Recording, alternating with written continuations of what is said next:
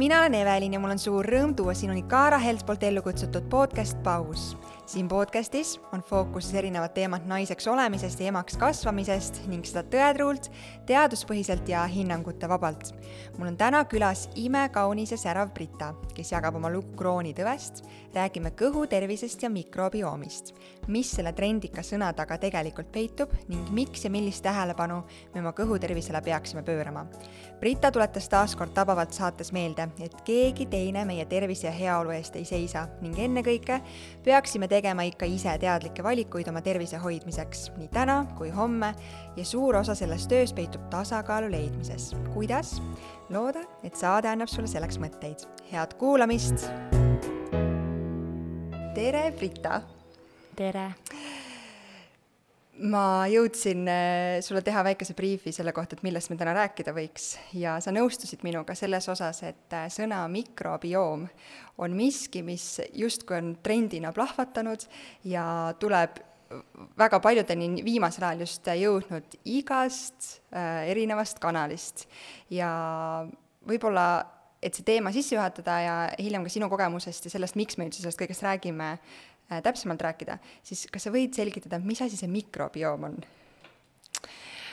seda kõige lihtsamini võiks selgitada niimoodi, et mikrobioom on siis mikroorganismide kooslus, kus äh, on siis nii häid kui halbu mikroorganisme,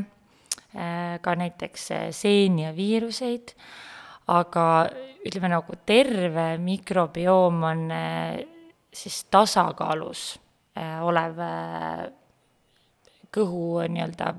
mikroorganismide kooslus, mm. mis tähendab seda, et äh, kui meil on miljardeid ja miljardeid kõhubaktereid, siis kõhu tervise puhul on oluline see, et seal valitseks tasakaal sa praegu tõid välja selle kõhu kontekstis, aga sa mhm. jõudsid mulle enne väga tabavalt öelda, et tegelikult mikrobioom on eh, nagu justkui üks tervik, aga teisalt ka meil on naha mikrobioom eraldi ja kõik ja. muud mikrobiomid, et, et me täna küll keskendume kõhu tervisele ja kõhu mikrobiomile, aga see ümbritseb meid igas aspektis, meie üldiselt ja. Eh, tervises ja organismi arengus. jaa, et tegelikult sama palju, kui on meil rakke ja, ja erinevaid organeid, siis tegelikult väga paljudel organitel on oma äh, siis äh, mikrobioomid ja, ja see noh, valdkond äh, on niivõrd uus, et tegelikult ma arvan, et paari aasta pärast me teame veel rohkem sellest, kuidas noh, tegelikult ka näiteks vähirakkudel, eks ju, samamoodi on oma nii-öelda mikroorganism ja see, mis sealt äh, nii-öelda areneb ja paistab, et noh, seda praegu tegelikult teadustööd alles väga jõudsalt uurivad, et väga-väga äh, põnev valdkond miks on oluline, no elus väga paljudes asjades, praktiliselt kõiges, on äärmiselt oluline leida enda jaoks sobiv tasakaal. on see treeningus, toitumises, töö tegemise ja puhkuses, unes ja ärkvelolekus, kõiges äh,. aga miks see mikrobiomi tasakaal meie elukvaliteeti kuidagi eriliselt mõjutab? või äh. tasakaalutus? ütleme niimoodi, et siin on äh, otseselt lihtsat vastust ei ole. näiteks kui meie sinuga oleme kaks erinevat inimest, isegi kui me toitume täpselt samadest asjadest, näiteks värskest, ma ei tea, salatist, sööme juurvilju, teeme natuke trenni, võib-olla natuke rohkem trenni, siis ei ole kahte identset mikro, mikro äh, siis bioomi. põhimõtteliselt samamoodi nagu on äh, sõrmejälg, mis on äh, noh, iga inimese DNA täiesti erinev, nii on ka mikrobiomiga. seega ütleme, tasakaal, miks on see märksõna, on see, et et me oleme väga palju ka enda nii-öelda töös näinud seda, et meie juurde tulevad inimesed, kes teevad justkui nii-öelda õpiku järgi kõike õigesti.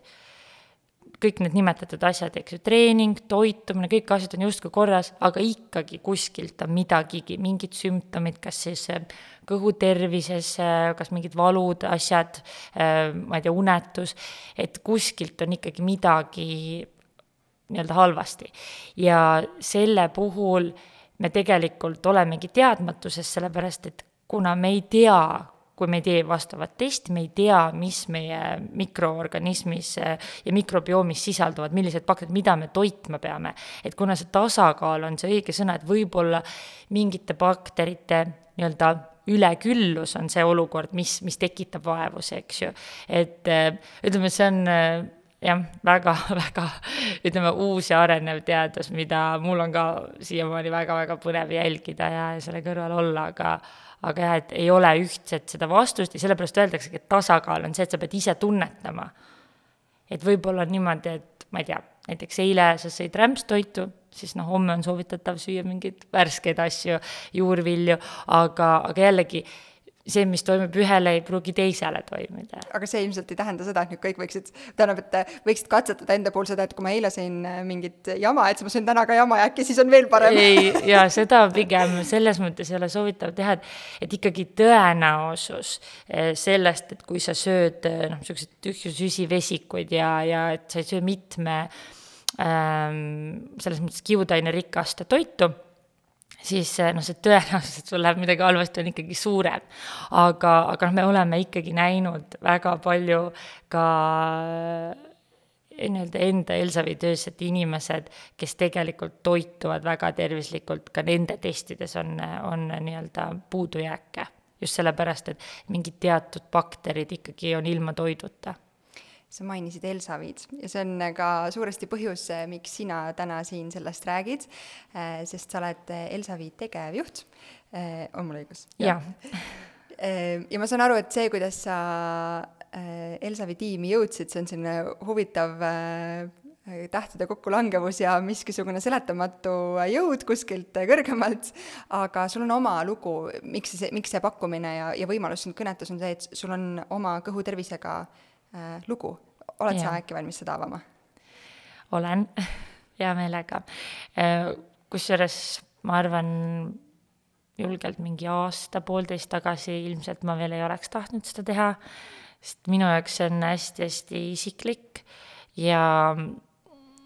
ja, ja tänu sellele, et ma ikkagi Elsavisse, nagu sa väga hästi juba mainisid, et et kuidagi tähtede kokkulangevus ja kõik see, et ma sinna sattusin, ilma üldse, et tegelikult kui mind kutsuti, teati minu isiklikku lugu kõhutervisega, siis siis täna ma tunnen, et ma just peangi seda jagama ja, ja ma olen selle ligi aastaga, mis ma nüüd olen Elsavis olnud,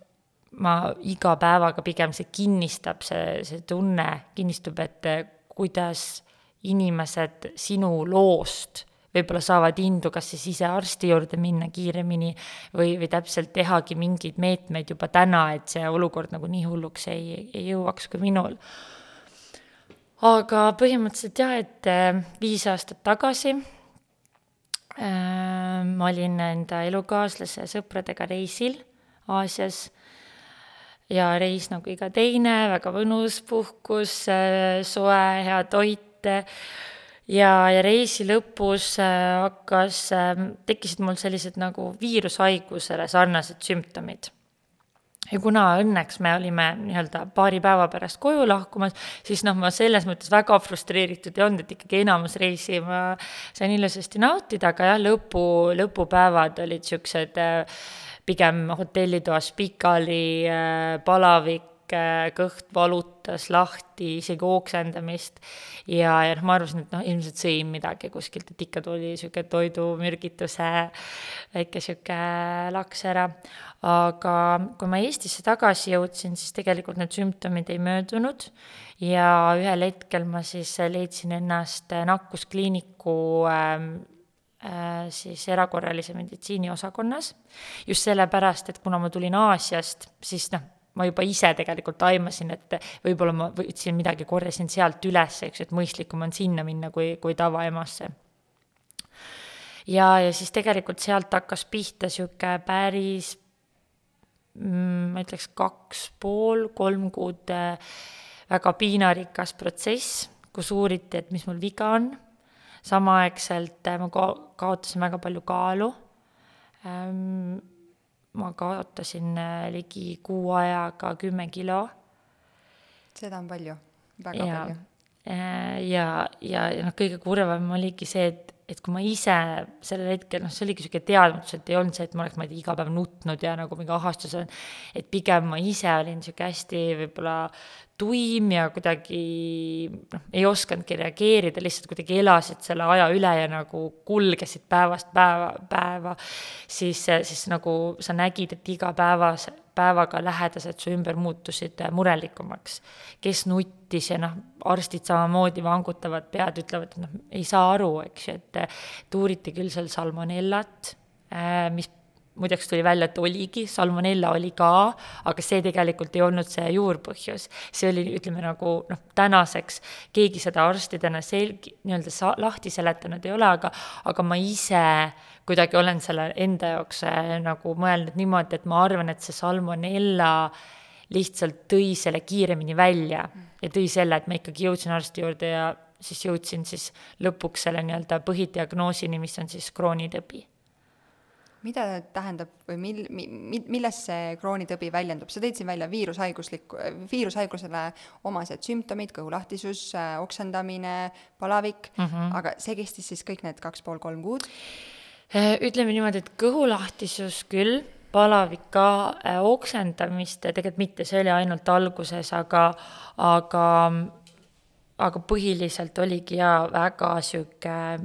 agressiivne kõhulahtisus, mis tegelikult juba, ma arvan, et teisel nädalal äh, muutus veriseks, mis tähendab seda, et sul tekib aneemia. Äh, noh, ma olingi põhimõtteliselt ainult äh, voodis, ainult, noh, ma ei jaksanud liikuda, isegi nii kaugele, kuni üks hetk oli põhimõtteliselt olukord, kus ma pidin mähkmeid kandma sest et võis olla olukord, et ma ei jõua tualetti, sest et noh, kõik selliste haiguste puhul on see, et su lihased muutuvad nõrgemaks, et sa ei suuda seda lihtsalt nagu kinni pidada, et noh, see ei ole sama olukord nagu meil täna, eks ju, et et äh, et see oli noh, ja nagu ma mainisin ka, et kui ma ise muutusin nagu tuimaks, siis üks hetk ongi see, et sa nagu mõnes mõttes tunned, et sa kaotad nagu eneseväärikuse. et sul ongi, et, et noh, muidugi mul sõbrad teadsid, et midagi toimub, aga tegelikult eh, ma ei lasknud nagu kedagi endale ligi, et mul oligi elukaaslane ja mul oli ema, kaks inimest, kes olid minu juures, aga kõik teised olid nagu hold'is, et, et jaa, niisugune hästi-hästi isiklik aeg. see kuidas see tõbi just sinule avaldus, miks, on ka teada? Äh, tegelikult mitte, sellepärast et äh, sa enne küsisid ka, et mis asi see kroonitõbi üldse on, siis äh, ta on tegelikult jämesoole krooniline põletik, enamasti jämesoole lõpuosas, aga võib ka nii-öelda varieeruda asukoha suhtes, aga tegelikult need tekkepõhjused ei ole teada ja, ja see on, ja noh, tegelikult ka kui juba see, et krooniline haigus, see viitab sellele, et tegelikult tal ei ole ravi, et, et ütleme nagu parim ähm,, parim äh, saavutus selle haiguse nii-öelda diagnoosiga on see, et sa jõuad selle haigusega remissiooni. mida tänasel hetkel, mul on hea meel öelda, et ma hetkel olen, noh, ma ütlengi hetkel, ma loodan, et see jääb püsima, eks ju, aga, aga tegelikult äh, jah, et, et siin, siin on väga palju nagu niisuguseid tagasilöögikohti, mis, mis võivad olla ja sa pead ikkagi pideva jälgimise all olema. aga, aga jah, et minu puhul õnneks hetkel see on nii-öelda kontrolli all. see tähendab sinu jaoks olulisi elustiili muutusi äh, või muudatusi? jaa, selles mõttes küll, et,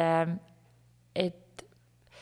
ükski arst mulle seda ei öelnud, et Brita, et, et see, et sul see haigus on, on stressist või et ma ei tea, sa kunagi suitsetasid. ma isegi ei, su-, ei olnud ahelsuitsetaja, ma olin niisugune pühapäevasuitsetaja, aga noh, ütleme nagu mingid sümptomid kindlasti võivad seda nä-, ärgitada,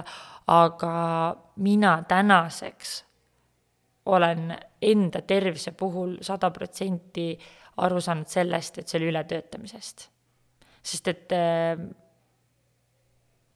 aastatega ma olen õppinud oma keha nii palju paremini kuulama. tol hetkel, kui mul see avastati, ma olin, töötasin finantsettevõttes, ma olin veri, noor, väga vastutusrikas positsiooni, vastutusrikkal positsioonil, ma olin noh, ma olingi karjääriredelil väga kiiresti üles liikumas ja see andis mulle omakorda niisugust adrenaliini, ma olingi noh, ma tean ju selles mõttes, mida ma tegin, kuidas ma jätsin hommikusööke vahele, ma jõin, ma ei tea, viis-kuus tassi kohvi päevas, sest et sul noh, ütleme nagu noore inimesena nagu, kui sul tagasilööke pole olnud, siis sa oledki niisugune nagu võitmatu, et mitte midagi ei juhtu ju, siiamaani pole juhtunud, ja, ja söögikorrad jäävad aeg-ajalt seal, ma ei tea, kahe söögikorrani, eks, siis sööd ka mingi salat, alati sul ei ole täisväärtuslikku toitu, et tänasel hetkel, kui ma vaatan tagasi, ma tegelikult tean, et ma tegin ise endale selle, sest et noh, mul perekonnas ainuke inimene, kellel on äh, krooniline haigus, sarnane, mitte küll kroonitõbi, aga koliit on mu tädi, mis ei ole siis otseses tegelikult ju suguluses, selles mõttes, et noh, geneetiliselt tema ei saanud mulle seda anda et eh, noh, ma, ma, ükski arst, noh, selles mõttes kõik võivad seda nii-öelda ümber lükata, aga ma tean enda käest, et, et see tuli sealt stressi mõju meie kõhu tervisele, tegelikult mul on ka, minu kehal on äh, nõrk koht äh, kõht ja kui mul on äh, elevust või ärevust tekitavam mm -hmm. olukord, siis alati nagu kõht on see, mis hakkab enne niiviisi märku andma, et kuule, kas sa oled mm -hmm. ikka mhm. valmis selleks, mis sind ees ootab. mõnel on see nahk, et nahas väljendub selline stressirohke mm -hmm. periood või eesootav ja, ja mõnel on hoopis midagi kolmandat, et äh, aga väga paljudel on kõht, äh, kas või kui ma olen lähedaste ja tuttavatega sellel teemal suhelnud, siis see, see, et sa teadvustad endale, et kõhutervis on miski, mis on sul või sellel inimesel stressist otseselt mõjutatud, aga tundub selline nagu, et noh, aga see ongi ju nii, et mis ma siis teha saan? saab midagi teha mm.? Kas sa tunned, et sa oleksid, et kui sa oleksid teadnud, et, et see stress võib ühel päeval,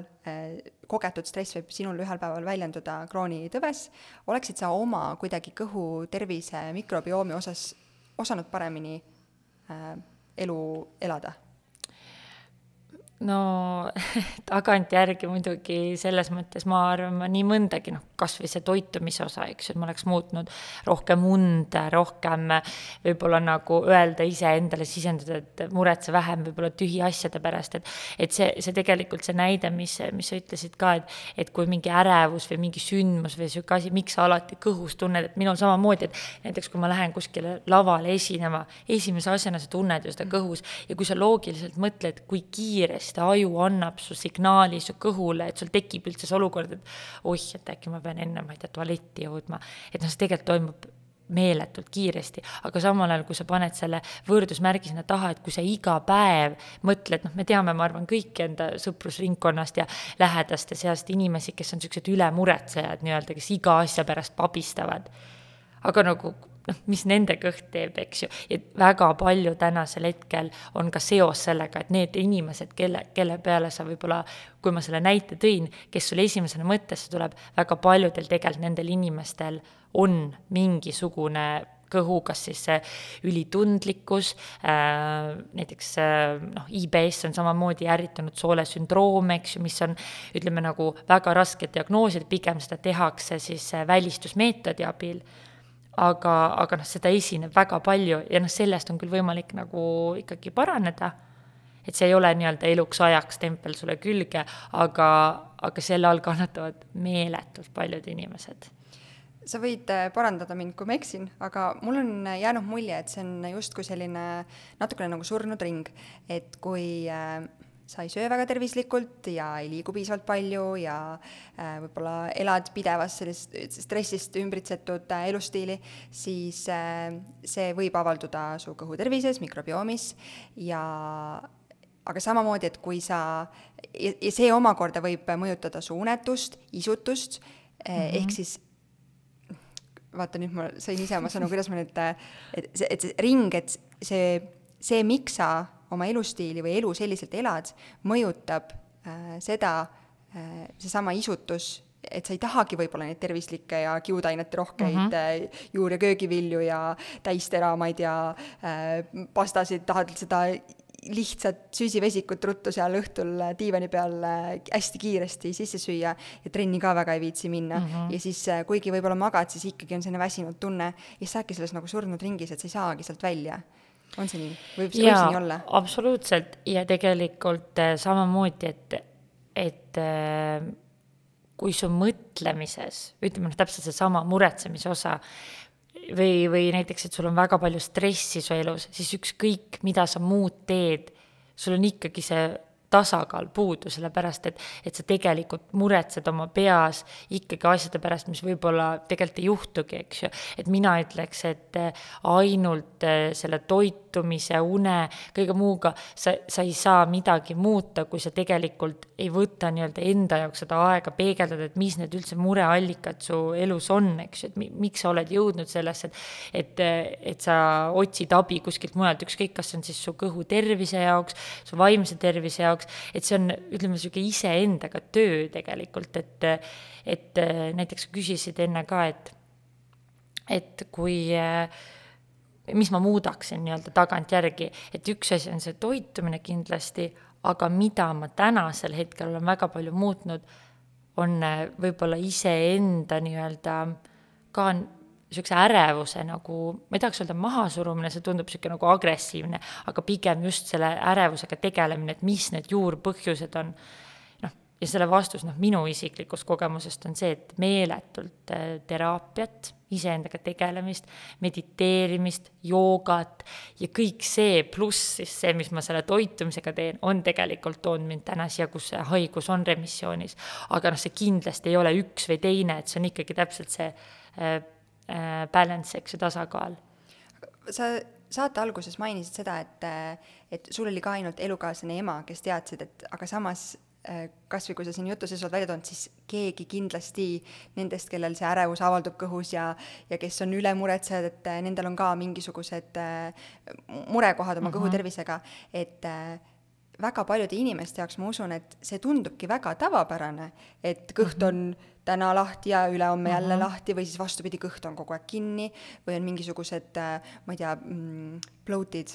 mis see jaa, niisugune puhitus puhitustunne või... -hmm. täpselt või gaasid mm, -hmm. et, et see võib saada nii igapäevaseks osaks elust, et see tundub justkui normaalne. ega mm -hmm. keegi väga sellest ei räägi ka, et see ei ole normaalne jaa, väga õige, tegelikult äh, siiamaani ma näen seda oma töös nii palju, kui, kuidas see on nagu tabu inimestele sellest rääkimine. Ja, ja nagu ma ütlesin ka, et iga päevaga enam ma tunnen, et mina tahan enda lugu just jagada, sellepärast et et noh, mul on enda tutvusringkonnas inimesi, kes kuulevad seda noh, neil sõna otseses mõttes kukub suu lahti, et issand, Rita, et nagu niimoodi oli või. aga noh, too hetk võib-olla jah, et oligi, et see ego sai haiget, eks et mina, kes ma ei tea, karjääriredelil ronisin, siis panin nagu niisuguse nii-öelda, võtsin, ma ei tea, kolm kuud ajast äh, nii-öelda karjääri tegemisest maha, et olla tegelikult voodihaige, eks et noh, kaine mõistus saab aru, et ma ilmselgelt nagu ei teinud seda meelega ja muidugi, kui oleks olnud variant, siis ma ei oleks tahtnud seal kohas olla,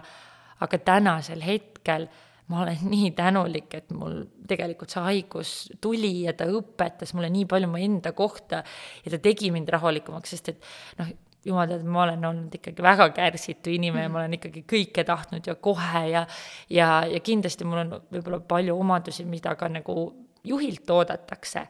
ja mis, mis mind on teinud selliseks nagu hästi edasipüüdlikuks ja niisuguseks mingis mõttes kärsituks, aga samas see haigus oli täpselt see, mis ütles, et oota, Brita, võta hoog maha ja päriselt äh, nii-öelda tegele endaga ja leia enda jaoks aega, sest et äh, noh,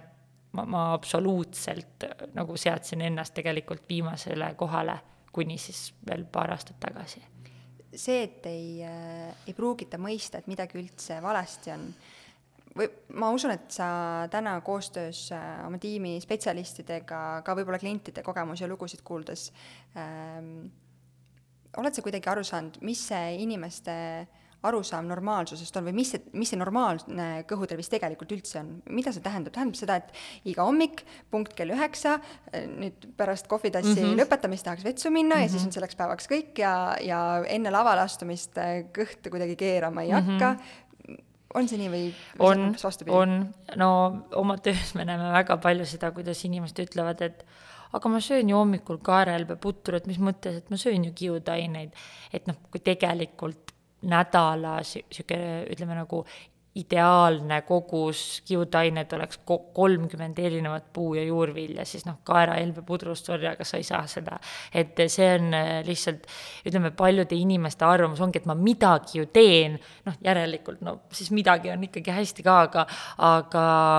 aga tegelikult äh, just see kaerahelbe näide, aga ma näen ka hästi palju või noh, kuulen nii-öelda tagasisidet meie klientidelt ja nendelt konsultatsioonidelt, et äh, inimesed äh, äh, ütlevad, et, et aga, aga ma ju käin trennis, ma ju teen neid asju, et, et aga et kuidas, et noh, ta on nagu täiesti šokis, et kui nad näevad, eks ju, tegelikult tulemused võib-olla ei ole väga head. Ja siis noh, meil on ka seal tegelikult spetsiaalsed nii-öelda toidusoovitused mida siis nagu mingite teatud kiudainete, äh, kui sa seda oma toidust siis ei saa, et mida sa siis saaksid nii-öelda juurde tarbida, kas probiootikumide, meie kiudainete segude näol, aga, aga jaa, et väga paljud inimesed äh, näevad seda, et tegelikult äh, et noh, nad on arvanud, et, et tegelikult piisab nendest vähestest, ma ei tea, basiilikust ja kaerahelbest ja, ja, ja see toobki talle selle nii-öelda hea tervise. et pigem ma näen, et inimeste puhul on see, et, et kahjuks, nagu me rääkisime ka, et mikrobioom on nii uus äh, nii-öelda märksõna või üldse teadus ja Eestis ka, et sellest räägitakse nii vähe, et kui sa ise selle kohta väga palju juurde ei uuri, siis äh, siis väga vähe jõutakse üldse selleni, et mis see siis nagu normaalne tegelikult äh, tarbitud toidu kogus on aga normaalne kõhutervis selles aspektis, et kuidas meie igapäevane elu välja peaks nägema, et, et ei, meil ei ole mingisuguseid ebamugavustundeid, mhm. põhitust uh, -huh. kaase, sümptomeid, muid. kas, kas sa täna, kas sa täna tunned, et sul on nagu kõik hästi ja kõik nagu, et ei ole mingisuguseid, võib-olla kui sa just ei ole eelmine päev mingisugust jama.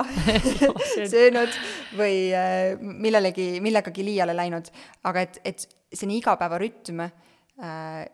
ei ava-, avaldub kõhutervises nagu normaalsuses või ja, normaalselt? täna ma võin öelda, et minul on kindlasti see nii-öelda väga normaalne ja, ja kohe, kui mul ikkagi näiteks mõned harvad juhud, kui ma tunnen, et näiteks mingi pisteline kõhuvalu tekib, siis, siis noh, ma ikkagi keskendun sellele, et mis see võib olla, kas see on see, et ma ei tea, menstruatsioon on lähenemas või siis äh, ikkagi see on mingist toidust, kus kohas täpsemalt see kõhus on, et mina oskan seda analüüsi nii-öelda endal juba teha, aga see kohvi näide, et äh, noh, paraku väga palju inimesi, kes ütlevad, et et aga et ma pean hommikul esimese asjana tühja kõhu peale kohvi jooma, sest mul muidu ei käi kõht läbi, noh, see kindlasti ei ole okei. Okay., et kõht peaks käima läbi ikkagi ilma kohvita aga see, see ongi samamoodi, et, et kui sa jood iga päev kohvi, su soolestik on harjunud, et see on nii-öelda see stimulant, mis su soolestikul on vaja, et nii-öelda äh, saata sind, eks ju, tualetti, siis, siis paratamatult see harjubki sellega ära. aga, aga noh, kindlasti on see, et kui sa tarbid see normkoguse nii-öelda kiudaineid, siis su äh, soolestiku tegevus toimub selliselt, sul ei ole seda kohvi üldse vajagi no sa võid seda juua ikka, et, et äh, nii-öelda päev, päevas tassikese, et annaks sulle natukene energiat,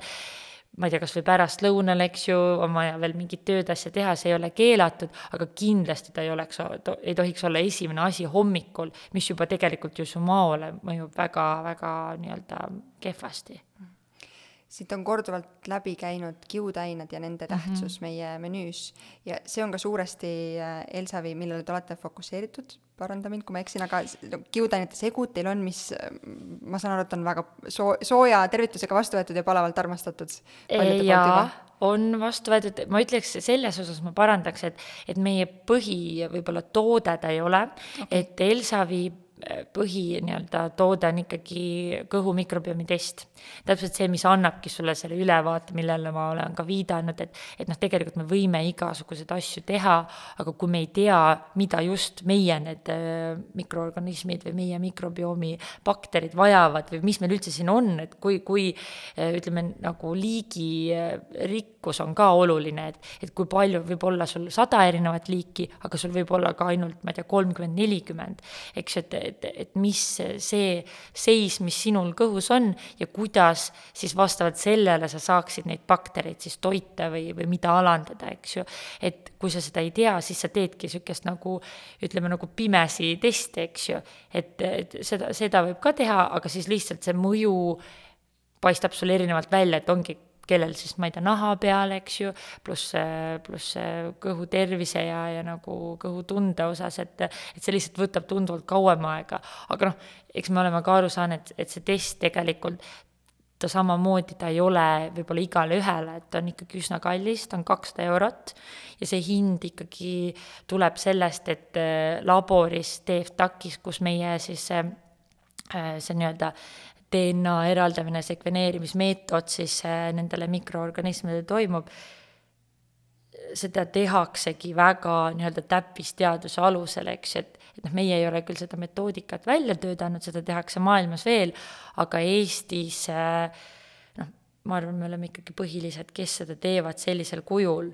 ja et noh, ta ei olegi nii-öelda, ütleme, niisugune odav asi, et võib-olla igaüks saaks seda endale lubada, aga ta ongi niisugusele oma tervise tea-, äh, teadlikumale kliendile, kes, kes on oma kas siis teekonnal juba kuskile jõudnud või siis täpselt ongi, et tal on niisugused arusaamatud kõhuvalud,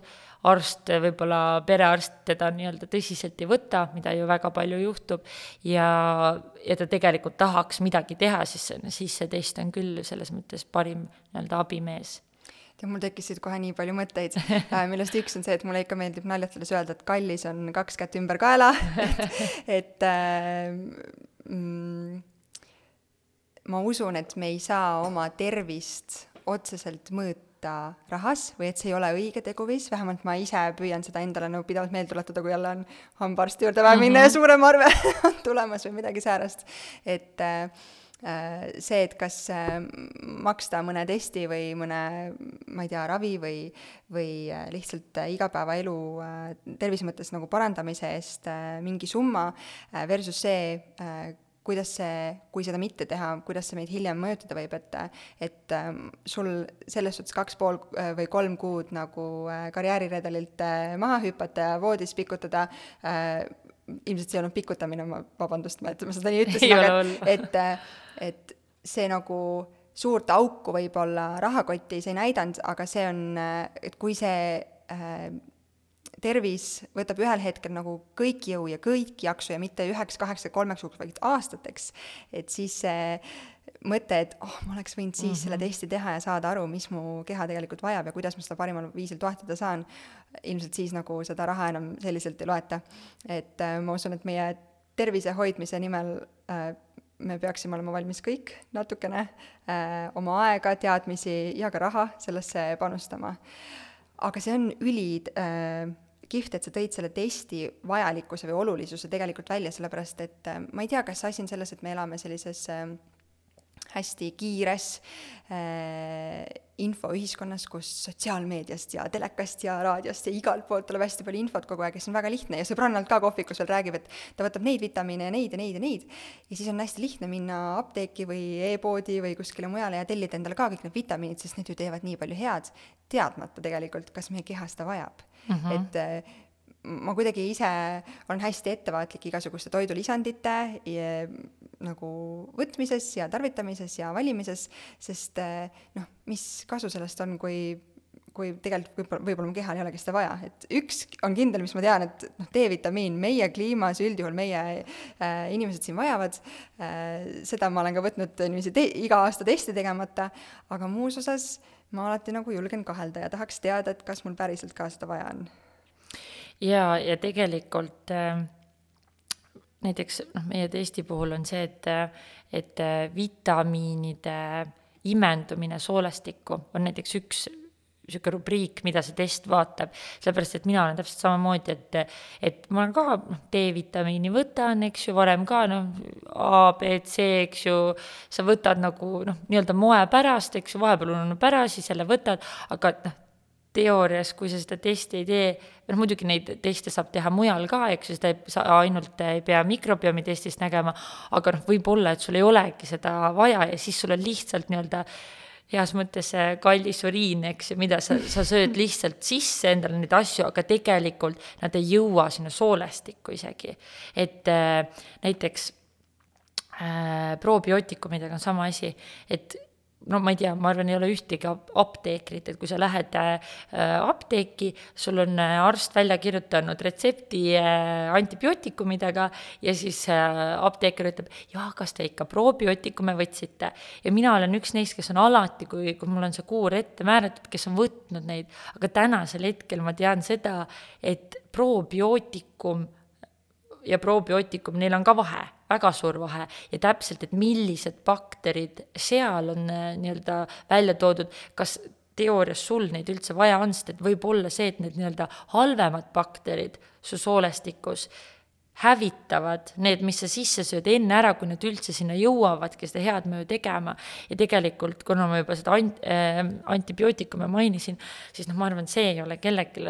tänaseks enam uudis, et noh, antibiootikumid muidugi nad äh, hävitavad neid baktereid, mistõttu ilmselt arst on sulle need välja kirjutanud, aga ta hävitab ka need head bakterid. et tegelikult äh, tänaseks on isegi toodud äh, selliseid näiteid, et äh, antibiootikumid on nagu tuumapomm, mis su siis tegelikult soolestikku visatakse, sest et noh, ta hävitab kõik, mis sulle, mis sulle nii-öelda ette jääb ja sinna jääbki väga vähe alles, mille pealt siis hakkab see nagu taastumine uuesti pihta, et nad uuesti nagu paljuneks ja mis toiduga sa siis seda nii-öelda äh, toidad neid, eks ju,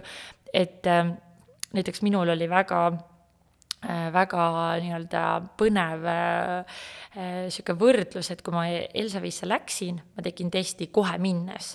ja ma tegin nüüd äh, vist kuu-kaks tagasi tegin uuesti ja mul oli äh, erinevatel põhjustel, mul oli äh, kaks antibiootikumi kuuri suhteliselt järjest. ja noh, ma tean, mida see organismiga teeb, ma olen näinud seda väga paljude nii-öelda meie klientide näitel, kellel on olnud need kuurid, aga samaaegselt ma võtsin tegelikult eh, Elsavi neid kiudeni segusid, mida me nii-öelda naljatades omavahel tiimiga ütleme, et need on need eh, laisa inimese kiudained, et kui sa neid kolmekümmend erinevat eh, puu- ja juurvilja oma toidust ei saa, et siis sa saad neid segusid, eks ju, võtta. Ja need tõesti on selles mõttes väga nagu lihtsad, et, et noh, smuutisse, putru igale poole saab panna, aga ühesõnaga, kuna ma neid kasutasin ja ma kasutasin ka probiootikume, siis kui ma tegin selle testi uuesti, noh, ma olin, ma olin tõesti hirmul, et noh, mis mul sealt vastu vaatab, aga tegelikult see oli kukkunud, mu tase, ütleme nagu äh, sellest esimesest testist, aga ta oli ikkagi kukkunud nagu nii palju vähem, kui tegelikult see nii-öelda võiks eeldada, et peale seda kahte äh, antibiootikumi kuuri võiks olla et see oli noh, minu jaoks ikkagi positiivne üllatus ja noh, muidugi noh, nüüd kuna see oli lihtsalt seotud operatsiooniga, ma pidin seda võtma, siis noh, tegelikult eh, ma ütleme, nagu natuke olen arstidele ka selline patsient, et ma nagu väga tugevalt tänasel hetkel juba ähm, ütleme nagu valideerin enda jaoks, et kas mul päriselt on vaja neid äh, nii-öelda antibiootikume, mida noh, paraku tihti väga lihtsakäeliselt välja kirjutatakse, eks ju, et kui sa tead, et see sellele järgneb, ma ei tea, pool aastat väga tugevat tööd, eks ju, et taastada kõike seda, mis, mis sul tegelikult nii-öelda hävis sees. aga sul on need teadmised äh, läbi oma kogemuse ja, ja ilmselt ka äh, ümbritsevad inimesed, kellelt sul on võimalus küsida seda. ma lihtsalt pean oluliseks siinkohal mainida, et antibiootikumidel on oma koht siin maailmas ja meie tervise mm, hoidmises äh, ja arendamises, et äh, tasub usaldada äh, endale valitud mm -hmm. sobivat meditsiinispetsialisti äh, ja absoluutselt kriitiline meel selles osas on iga mm -hmm. patsiendi poolt nagu üks väga vajalik äh, oskus või asi, et alati äh, lähtuda oma tervisest, aga tasub kuulata meditsiinipersonali ka, mis ei tähenda, et kui neid antibiootikume vaja võtta on, siis äh, tegelikult saab toetada mm -hmm. sellel ajal oma äh, kõhutervist ja üleüldse oma immuunsussüsteemi ja tervist toetada, on see siis äh, probiootikumidega, vitamiinidega äh,, kiudainete ja, ja kõige muuga heaga, mis äh, jälle siis seda head ja olulist meie kehasse samal hetkel juurde annab, kui neid ebameeldivaid äh, pisikuid ja viirusi meie kehas antibiootikumidega, antibiootikumidega tappa tuleb ja, ja, ja lihtsalt, et jääks kõlama see ka, et, et me kindlasti, kuigi Elsavi on ju tegelikult Eesti teadlaste poolt välja töötatud, siis äh, me töötame ka arstidega koos ja gastroenteroloogidega ja ja, ja et noh, meie nii-öelda eesmärk Elsaviga tegelikult ei ole kuidagi arstidelt tööd ära võtta ja mingi, mingit alternatiivmedi-. aga ma usun, et nad oleks väga, nad oleks väga tänulikud, kui tegelikult ma arvan, et see võiks olla iga arsti, sorry, et ma sulle vahele segan, aga selline nagu positiivne olukord, kui tegelikult enam patsiente tuleb, siis tähendab, et kõik on terved, et polegi vaja enam abi ja tegelikult äh, noh, me oleme, kui me oleme pöördunud ka arstidele, siis mulle alati meeldib öelda, et me tegelikult ju tegeleme tõsisemate haiguste ennetusega ja me tahame teie tööd lihtsamaks teha, sest et äh, gastroenteroloogid, kes siis äh, soolehaigustele ja noh, kõhutervisele ju üleüldiselt keskendunud on neid on äh, ikkagi Eestis väga-väga raske leida häid, et noh, muidugi arste on, aga, aga noh, patsiente on kordades rohkem. ja, ja ma olen ka suhelnud siin väga palju niisuguste nii-öelda noorarstidega, kes on alles residendi, resident, residentuuris ja õpivad alles nii-öelda arstiteaduskonnas ja ja ka mõned, kes siis on nii-öelda spetsialiseerunud juba gastroenteroloogiale, ütlevadki, et nad teevad seda sellepärast, et puudus seal valdkonnas on nii suur, et noh, seda enam me, me nagu, meie Elsavis me tunnemegi, et meie missioon ongi see, et aidata, et me tahamegi oma nii-öelda toodetega ja, ja arstide sisendiga jõuda ikkagi patsientideni sellisel hetkel, kus ta nagu võib-olla ei jõuagi sinna nii-öelda karmimasse seisu, kus ma ise olin ma ei ole kindel, kas see on siit saatest ühel või teisel moel läbi käinud, aga, aga ma toon selle uuesti sisse. põhjus, miks me kõigest sellest üldse räägime, on tegelikult see, et meie kõhutervis mõjutab meie igapäevast muud elu nii-nii palju. Äh, kõhutervis mõjutab meie stressitaset, kuigi ka vastupidi, siin on see surnud ring, et meie stressitase mm -hmm. mõjutab meie kõhutervist, mis mõjutab omakorda meie stressitaluvust äh, ja, ja pingetaluvust ja üleüldist äh, eluolu. see mõjutab meie hormonaalset tasakaalu, see mõjutab meie ajutööd, meie keskendumisvõimet, meie und. immuunsust äh,. seitsekümmend protsenti immuunsusest tekib tegelikult su kõhus. just, ehk see on oluline miks tasub pöörata tähelepanu mitte lihtsalt oma toitumisele, tervisele või sellele, et kas äh, täna pärast äh, kohvi joomist äh, sai kakal käidud või mitte mm, -hmm. vaid, vaid oma üldise elukvaliteedi tõstmiseks. jaa. kiudained ilmselt ei tule mitte kellelegi võõrsõnana ette, vaid kõik on kuulnud ja nagu sa ise ka siin mainisid korduvalt, et kolmkümmend erinevat mm -hmm puu- ja köögivilja me peaksime mm -hmm. iganädalaselt sööma. ma kohe, ma olin kõrvust tõstetud, kui sa seda esimest korda ütlesid, siis ma tundsin, et oh, ma küll söön. ainuüksi eilse õhtusöögi, mul on alati selline hasart, et kui ma, kui mul on aega teha äh, nagu noh, eks ma püüan kiireid õhtusööke perele teha ka mm -hmm. võimalikult tervislikke ja toitvaid ja äh, sest meie keha äh, igal moel äh, tervist parandavad, siis äh, eile, kui mul oli aega õhtusöögil natukene rohkem aega pühendada, siis äh, nii põnev oli, ma lugesin kokku erinevaid äh, seemneid ja köögivilju ja puuvilju, mis ühe toidukorra sisse läks ja ma sain nii laheda numbri, et ma olin kohe elevil pärast seda, et oh, vaata, kui palju erinevaid värvilisi asju ma sain ühe toidu sisse panna Eh, aga see ei ole paljude jaoks normaalsus või et mm -hmm. nagu paar saadet tagasi eh, toitumisspetsialist, kes saates käis, Jana, ütles ka, et paljude jaoks roheline salat tähendabki kurk ja tomat mm, -hmm. mis teps mitte ei ole seda. räägi korraks nende kiudainete olulisusest veel, mis need, võib-olla alustame sellest, mis need kiudained sinu silme läbi, mis nad on? kiudained on põhimõtteliselt siis toidu ütleme väga lihtsustatult öeldes, ta on seedimata toiduosad, mis jõuavad sinu soolestikku. Ehk siis äh, nagu me mainisime juba siin erinevaid taimi, puujuur, köögivilju, noh, kiudaineid tegelikult väga palju leiabki äh, erinevatest seemnetest äh,, erinevatest äh, teraviljadest, aga, aga jah, et, et noh, kui sa mõtled, et sina tõid selle näite, et äh, sul oli väga ilus number, eks ju, siis tegelikult me oleme ka oma tiimis rääkinud seda, et noh, mina ka tänasel hetkel, nagu ma ütlesin, et noh, mul ikkagi toitumisele panen ka väga palju rõhku, et äh, kui ma hakkan neid kokku lugema, mul ei tule kolmkümmend, et noh, ma peangi tarbima juurde siis see nii-öelda meie neid kiudainesegusid, mis ongi ka samamoodi, nad on lihtsalt ütleme nagu äh, kuivatatud kujul lihtsalt erinevad äh,, äh, ma ei tea, meil on isegi aloe veerat pandud sinna mingitesse segudesse juurde, kollageeni, tsinki, mis tegelikult annavad sulle ka, eks ju, nahale ja luudele äh, juurde, et mis ongi niisugune, niisugune lihtsalt äh, väga lihtne igapäevaseks tarbimiseks mõeldud äh, toidulisand tegelikult. kas kiudainetega on võimalik üle piiri ka minna? Ütleme nagu üle piiri võib tähendada seda, et kui sa noh, näiteks meie segude puhul ka, et meil on niisugune soovituslik annus on äh, kaks kuni neli lusikatäit, kui sa, keegi läheb väga hasarti ja hakkab, ma ei tea, kümme lusikatäit, noh siis halvimal juhul võib lihtsalt olla see, et lähebki kõht lahti. Aga noh, tegelikult niimoodi, et, et küllastatus mingist, ma ei tea, liigirikkusest või nagu kiudainetest, ma ei tea küll, kas võib juhtuda ma jään siin selles mõttes teadusliku vastuse võlgu, võib-olla midagi küll, aga, aga, aga pigem jah, et, et võib-olla lihtsalt ta kuidagi annab sul nagu kõhule tunde, et kuule, pea nüüd hoogu. mind hakkas kohe huvitama, äh, milline sinu enda isiklik igapäevane toidulaud välja näeb? oi, no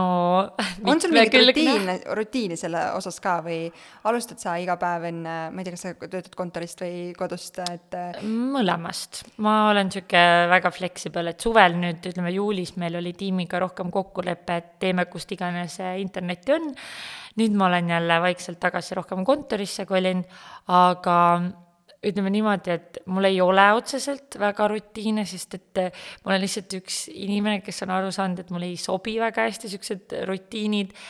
ja, ja ma tean ka enda tuttavate näitel, et kui osad on sellised, kes nagu suudavad, ma ei tea, kuu aega järjest iga hommik süüa sama asja, siis mina ei suuda. nagu mul, mul peab ikkagi kaks päeva järjest on minu jaoks juba, juba nagu see, et, et noh, nüüd ma pean midagi muutma. aga noh, ütleme mul ei olegi mingeid nagu kindlaid asju, mulle lihtsalt endale väga maitseb tervislikult toituda, mis noh, selles mõttes, et äh, mulle meeldivad juurviljad, ahjus tehtud näiteks erinevad juurviljad äh,, mulle meeldivad erinevad kapsalised, mulle meeldivad üldse noh, salateid ma söön väga palju, aga samas ma tean ka seda, et noh, toortoit mulle isiklikult, niimoodi, et ma ainult toortoidust äh, ehk siis näiteks külmast salatist, eks ju, toituks see on ka nagu see, et mis ma näen, et aeglustab minu seedimist. et äh, minu puhul see märksõna on alati see tasakaal, näiteks ei salga üldse, eile sõin ühe burgeri, oli väga maitsev ja, ja noh, muidugi selles mõttes ma ei eelista mingit, ma ei söö tavaliselt mingit McDonaldsit, ma söön ikkagi ise tehtud hästi, kõik tooraine on väga nii-öelda tervislik, aga see tähendabki seda, et täna ma tarbin, eks ju, rohkem, äh, ma ei tea, porgandit, äh, teen mingeid ahjujuurikaid ja mingi mõnusa kala sinna kõrvale, et ma, ma, mulle ka hästi palju meeldib tegelikult katsetada ja mul on hästi vedanud, et mu elukaaslane on väga hea kokk ja ta teeb hästi palju erinevaid asju kogu aeg. Katsetab ja näiteks äh, üks positiivne asi Covidist oli see, et kui mina Covidi ajal hästi palju pidin töötama kodus, mul olid hästi pikad päevad, siis kuna tema nii-öelda valdkond on teine, väga palju spordiga seotud, aga spordiklubid ja padelihallid olid kinni, siis tema oli kodus ja katsetas erinevaid retsepte. nii et mina ütlesin, et okei okay,, täna oleks isu teha isu süüa äh, hakkliha äh, kapsahautist ja ta võttis retsepti ja hakkas tegema, eks ju. et selles mõttes äh, jaa, et meil tegelikult kodus on ikkagi väga niisugune mitmekülgne äh, toidulaud, noh, me oleme kahekesti ka, et tulebki mingi isu, siis katsetan mingeid karrisid, aga jaa, et ma söön suht kõike, ainult tatar mulle ei meeldi. siin lähevad meie arvamused Brita väga lahku, sest kui oleks võimalus, siis ma ainult tatrast toituksingi. No aga mulle ma võin öelda ka, et, et ma tean, kui kasulik see on ja ma isegi ükskord mu ema on mind ära petnud mingi tatra äh, pajaga, mis oli siis mingi tomati ja hakklihaga, see oli tõesti väga maitsev ja siis ta alles hiljem ütles, kui ma olin lõpetanud, et muide, siin oli tatar sees. Aga tegelikult, kust see tuleb, et äh, mul lihtsalt lasteaias oli kunagi niimoodi, et kasvatajad äh, rääkisid ühest äh, nukrast koerast kuskil põllu peal, kes umbes nälgib, kui, kui sa ei söö, et noh, see on näide nagu, kuidas ei tohiks, eks ju, kasvatajad rääkida, aga noh, mul konkreetselt see nii-öelda lapsepõlve trauma on siiamaani mulle see kuidagi tatra lõhn, kui ma juba tunnen kuskilt, et keegi keedab tatart, siis mul hakkab pilt eest ära minema. et ma arvan, see on lihtsalt jah, niisugune psühholoogiline efekt, et tegelikult ma tean, kui kasulik see on. Oh, tead, see toitumise teema ja eriti seda, see, kuidas me äh, saame pisikeste inimeste äh, suhtumist toitu ja, ja tervislikku toitumisse muuta või kujundada õigemini siis varasest lapsepõlvest äh, väärib kindlasti omaette saadet äh, siin mm -hmm. pausis kunagi. aga mul tuli meelde sellega, et sa ütlesid, et sina ei armasta väga rutiini ja seda mitte ka toidus, et äh, maksimum kaks päeva on see, mis sa ühte sama toitu suudad äh, järjest süüa, siis äh, keegi ütles äh, hiljuti, kuskilt lugesin äh, väga hästi, et isegi kui sa fännad näiteks iga hommiku ma ei tea, avokaado või leiba ja muna, et siis äh, vähemalt äh,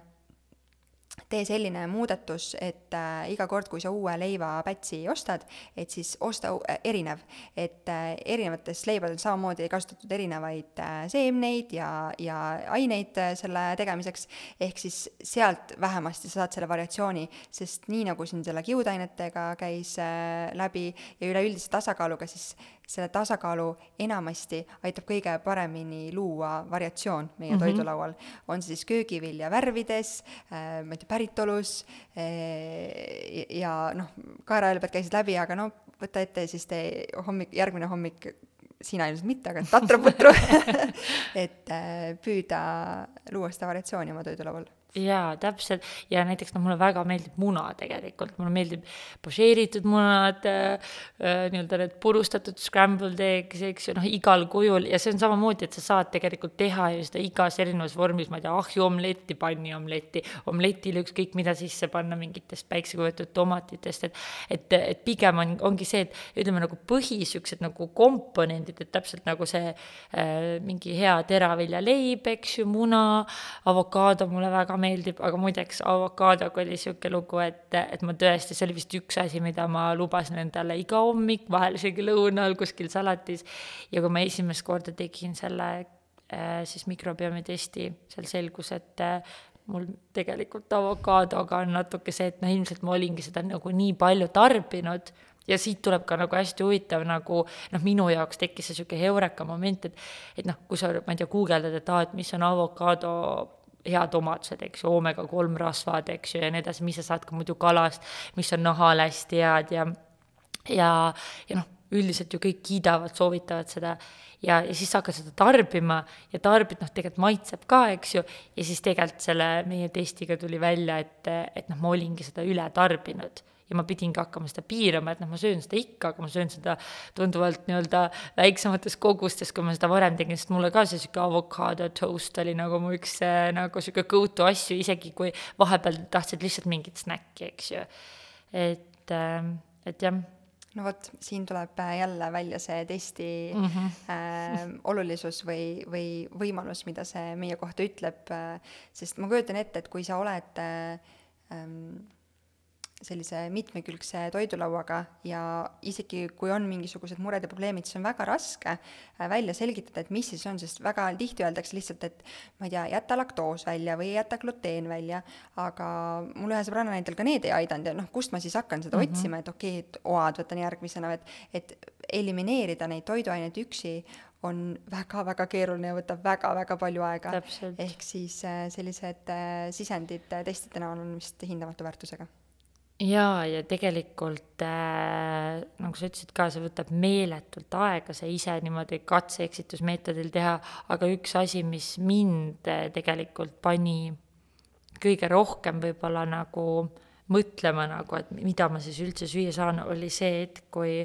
kui mind üks hetk haiglast äh, välja kirjutati, kui mul veel krooni äh, nii-öelda tõvega, kui ma seal haiglas viibisin ja kui ma küsisin arstilt, noh, peale seda, kui ma olin haiglas saanud ainult mingeid täielikke kuivikuid, eks ju, sõna otseses mõttes süüa, ja isegi paar päeva lihtsalt, et mulle soolele puhkust anda, mulle paigaldati kanüül kaela, et ma saaks lihtsalt nagu nii-öelda otse verre toitaineid ja küsisin, et noh, mis ma nüüd süüa saan, eks, et noh, nii näljane nagu unistad siin mingitest äh, kõikidest headest asjadest, mida ei ole ammu saanud süüa. Ja arst ütles mulle konkreetselt, et aga katse-eksitusmeetod. ja siis ma mõtlesin küll, et päriselt või? mis, mis mõttes, et aga tegelikult ongi, et, et arstid, no vähemalt nagu gastroenteroloogid, ma nagu enda nii-öelda olukorrast äh, saan rääkida, et, et nende jaoks toitumine ongi täiesti nagu noh, ta jääb nende jaoks sellest nii-öelda raviplaanist välja. et muidugi saadakse aru, et seal on seosed, aga nendel ei ole nii-öelda oskust või noh, teadmisi või ma ei tea, julgust öelda, et mida sa peaksid sööma või mitte sööma. Aga teistpidi ma saan aru sellest tänasel hetkel, siis ma olin nagu noh, marus, ma olin nagu, mis mõttes te ei ütle mulle, eks, et et siis hakkasid ikka guugeldama, vaatama ja noh, ma ei tea, kes on sama haigusega nii-öelda olukord ja, ja on mingeid söömisi piiranud, et kuidagi nende näitel, eks ju, proovida teha, aga tänasel hetkel noh, see test annab ikkagi parema nagu ülevaate kui, kui see, et, et tõesti seda oma nahal nagu aasta-kaks katsetada, eks ju no siin saab äh, lõpus ainult tõdeda seda, et äh, jätkuvalt äh, igaüks meist peaks äh, seisma iseenda oma heaolu ja oma tervise eest. me ei saa oodata kelleltki teiselt, et keegi teine seda meie jaoks teeks ja et äh, hea elukvaliteedi ja pika elu huvides on ikka oluline see, et me igapäevaselt püüaksime teha neid võimalikult häid valikuid ja isegi kui sinna vahele tuleb mitte nii hea valik, mis on ka tasakaal, osa tasakaalust mm, -hmm. siis järgmine päev äh, balansseerida selle, seda jälle millegi, millegi parema ja edasiviivamaga. aitäh sulle, Brita! aitäh! ja ma soovin, äh, et kõik äh, mõtleksid sellele, et siit käis saatest läbi see, et, et äh, ei tunta seda et võib-olla see, mis mind vaevab, ei olegi normaalne või, või tähendab, et see, see tundub nii normaalne, et äh, äkki see ei ole normaalne. et kõik äh, hoolitseksid oma tervise eest ja teeksid siis testi, saaksid natukene targemaks ja, ja oskaksid oma elus võib-olla paremaid valikuid selle võrra teha. ja usaldaks oma kõhutunnet. just, aitäh tšau! aitäh!